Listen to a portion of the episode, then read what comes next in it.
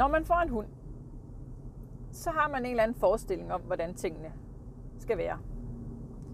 Man har måske en idé om, at man vil gerne have en hund, fordi man er rigtig glad for hunden, og det er bare hyggeligt at nusse med sin hund og gå en dejlig lang tur i skoven, og ens hund kan, og ens hund kan med alt og alle, og det er ren idyll, og man vil gerne gøre alt det rigtige, man vil gerne træne positivt, og man har alle mulige planer. Og så får man den her hund. Og så går det ikke altid, som man lige havde, som man lige havde planlagt. Det gør det sjældent, selvom jeg, selvom jeg lever af at træne hunde, og jeg har to hunde, så har jeg, jeg har jo haft de samme, øh, de samme forestillinger, hver gang jeg har fået en hund. Og det holder aldrig. når man, øh, så når man får en sin... Nu har jeg... Lige nu der har jeg Enya, som er grå chefer på 3,5 år, og Chabi på et halvt år, som er border collie.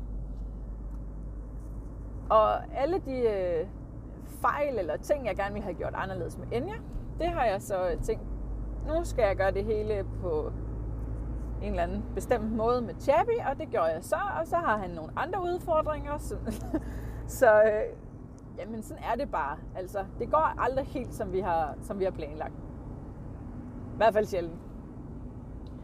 Og noget af det, som, øh, som jeg i hvert fald oplever på træningspladserne, og også mange af de henvendelser, jeg får fra, fra kunder, det er det her med at gå pænt i snor.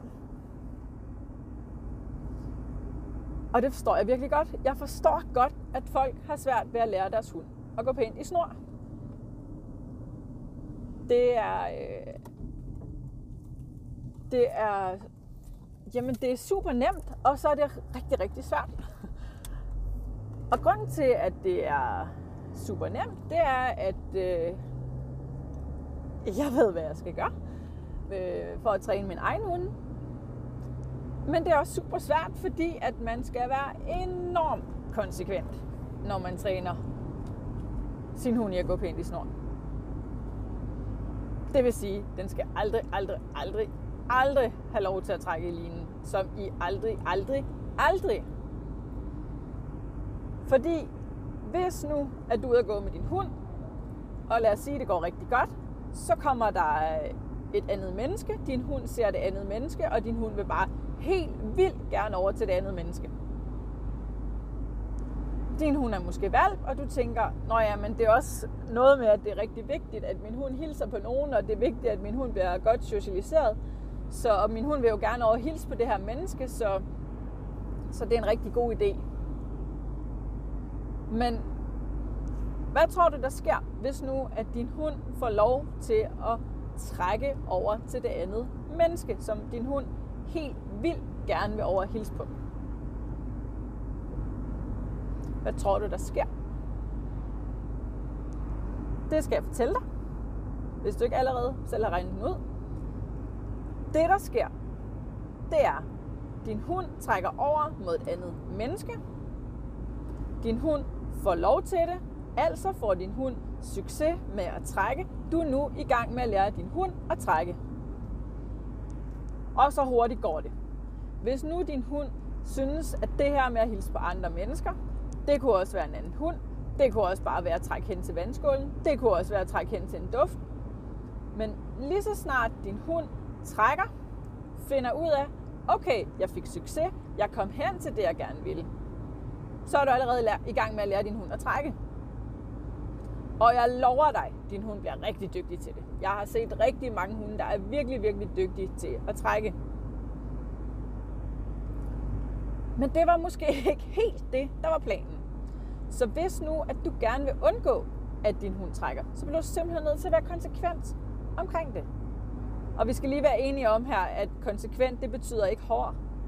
Altså, det betyder ikke, at vi skal være, vi skal være onde over for vores hunde. Og være konsekvent betyder for mig bare, at vi gør det samme hver gang.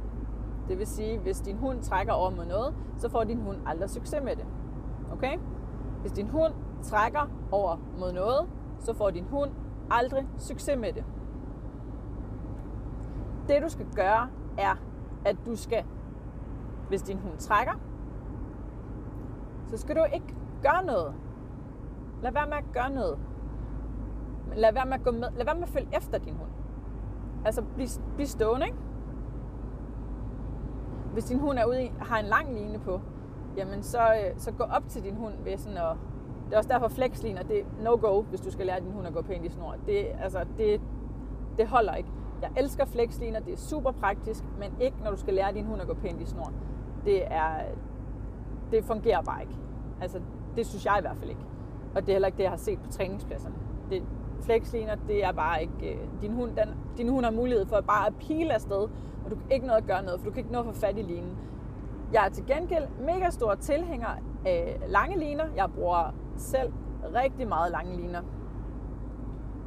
Så hvis nu du for eksempel har en 5 eller 10 meter line på din hund, og din hund, lad os sige, din hund har hele linen at gøre godt med, jamen hvis nu din hund løber, så kan du nå at få fat i linen, eller så kan du træde på linen. Det kan du ikke på samme måde med en flexline. Så de der flexliner, super godt, når du har en hund, der kan gå pænt i snor. Og hvis du gerne vil give din hund noget mere frihed, og du ikke har lyst til at gå med en, med en lang line, og du er et sted, hvor du gerne vil have, at din hund har noget frihed, men der er ikke mulighed for at slippe din hund løs, på med den lange line. Super, super godt. Men, men altså, eller, eller slør, flexline. Det er fint, hvis du gerne vil bruge flexline. Men lad nu være med at putte en flexline på din hund, før din hund har lært at gå pænt i snor. Okay? Så fast ligner, helt klart. Men så er også lige for, at din hund har lidt bevægelsesfrihed. Det vil sige, hvis du skal lære din hund at gå pænt i snor, lad være med at putte en, en, en snor på, der er en, en meter. Det er, sådan, at det er bare lidt tavligt. Der er bare ikke særlig meget, øh, der er ikke særlig meget rum til at, at snuse. Der er ikke særlig meget frihed i det. Så øh, prøv at se, om du ikke kan, kan gå nogle steder, hvor du i hvert fald bare kan have et par meter på linen. Behøver jo ikke at have to Altså selvom linen er to eller tre meter, behøver den jo ikke have to eller tre meter konstant. Man kan jo godt samle linen lidt op, hvis der, hvis der er brug for det. Og så er jeg jo godt klar over, at hvis du bor inde i byen, og du skal gå på et fortog eller et eller andet sted, jamen, så bliver du selvfølgelig nødt til at have din hund i en forholdsvis kort line. Men altså, derfor kan du godt have to eller tre meter på, for det kunne jo være, at du kom til et sted, hvor du havde mulighed for at give din hund lidt mere plads. Så, altså jeg, øh,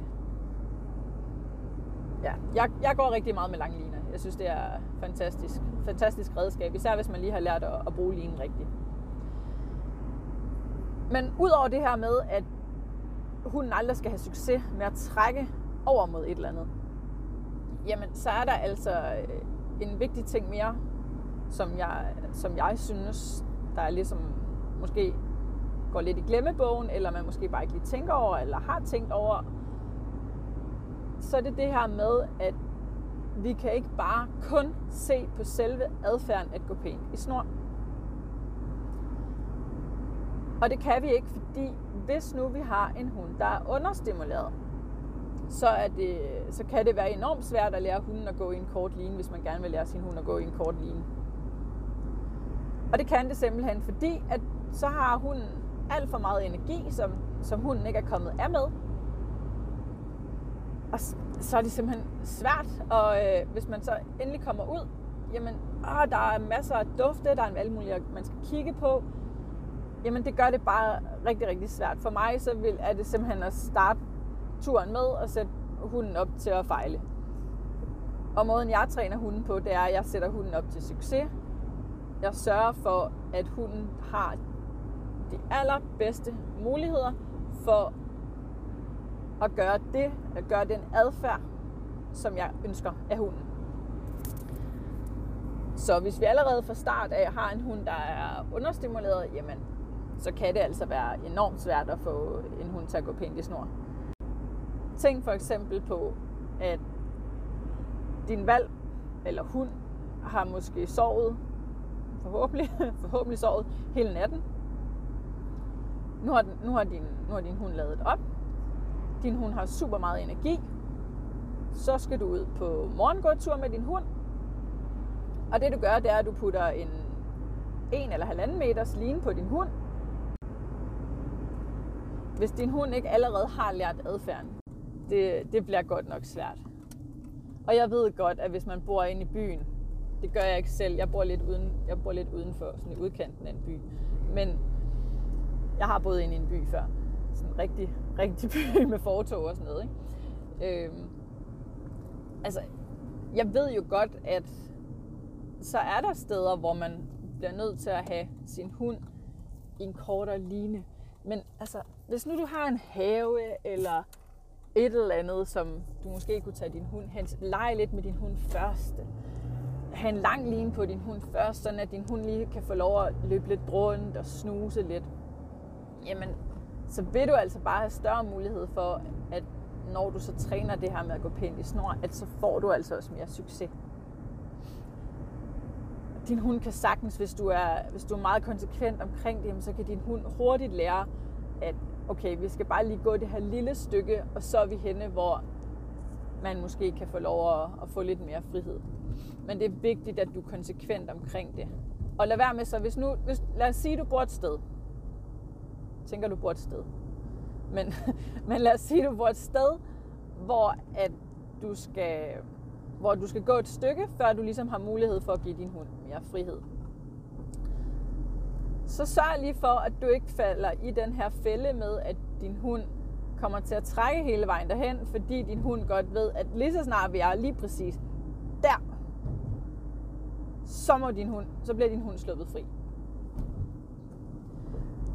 Så, så prøv at variere lidt, prøv, prøv at variere lidt, hvor det er, du slipper din hund, eller måske ikke slipper din hund, men det kan også bare være en lang line, men, men der, hvor du giver din, din hund lidt mere frihed sørg for, at lige så snart du kommer hen til det sted, hvor der er mulighed for det, jamen så er det måske ikke præcis samme sted, at din hund får mere frihed hver gang. Fordi hvis, hvis det sker, så får din hund hurtigt en eller anden forventning om, at lige så snart, at du er henne ved præcis det her sted, så er der mere frihed. Og det kan, være, det kan trigge rigtig mange hunde, og så vil de bare trække hele vejen derhen. Så, så, så virkelig, virkelig tænk over, at du ikke altid gør det samme, fordi din hund vil begynde at forvente det. Især hvis du har øh, en meget trænbar grå chefer eller border collie, som nogen af os har, så, øh, så kan de altså hurtigt få en forventning om et eller andet. Og det kan alle hunde i øvrigt, så, ja, så prøv at se om også du kan, du kan bryde rutinen lidt, så du ikke altid gør det samme. Men virkelig hvis, hvis du gerne vil lære din hund at gå pænt i snor, så altså det aller, aller vigtigste, det er simpelthen at sørge for, at din hund får nok motion. Din hund kommer ud og løbe.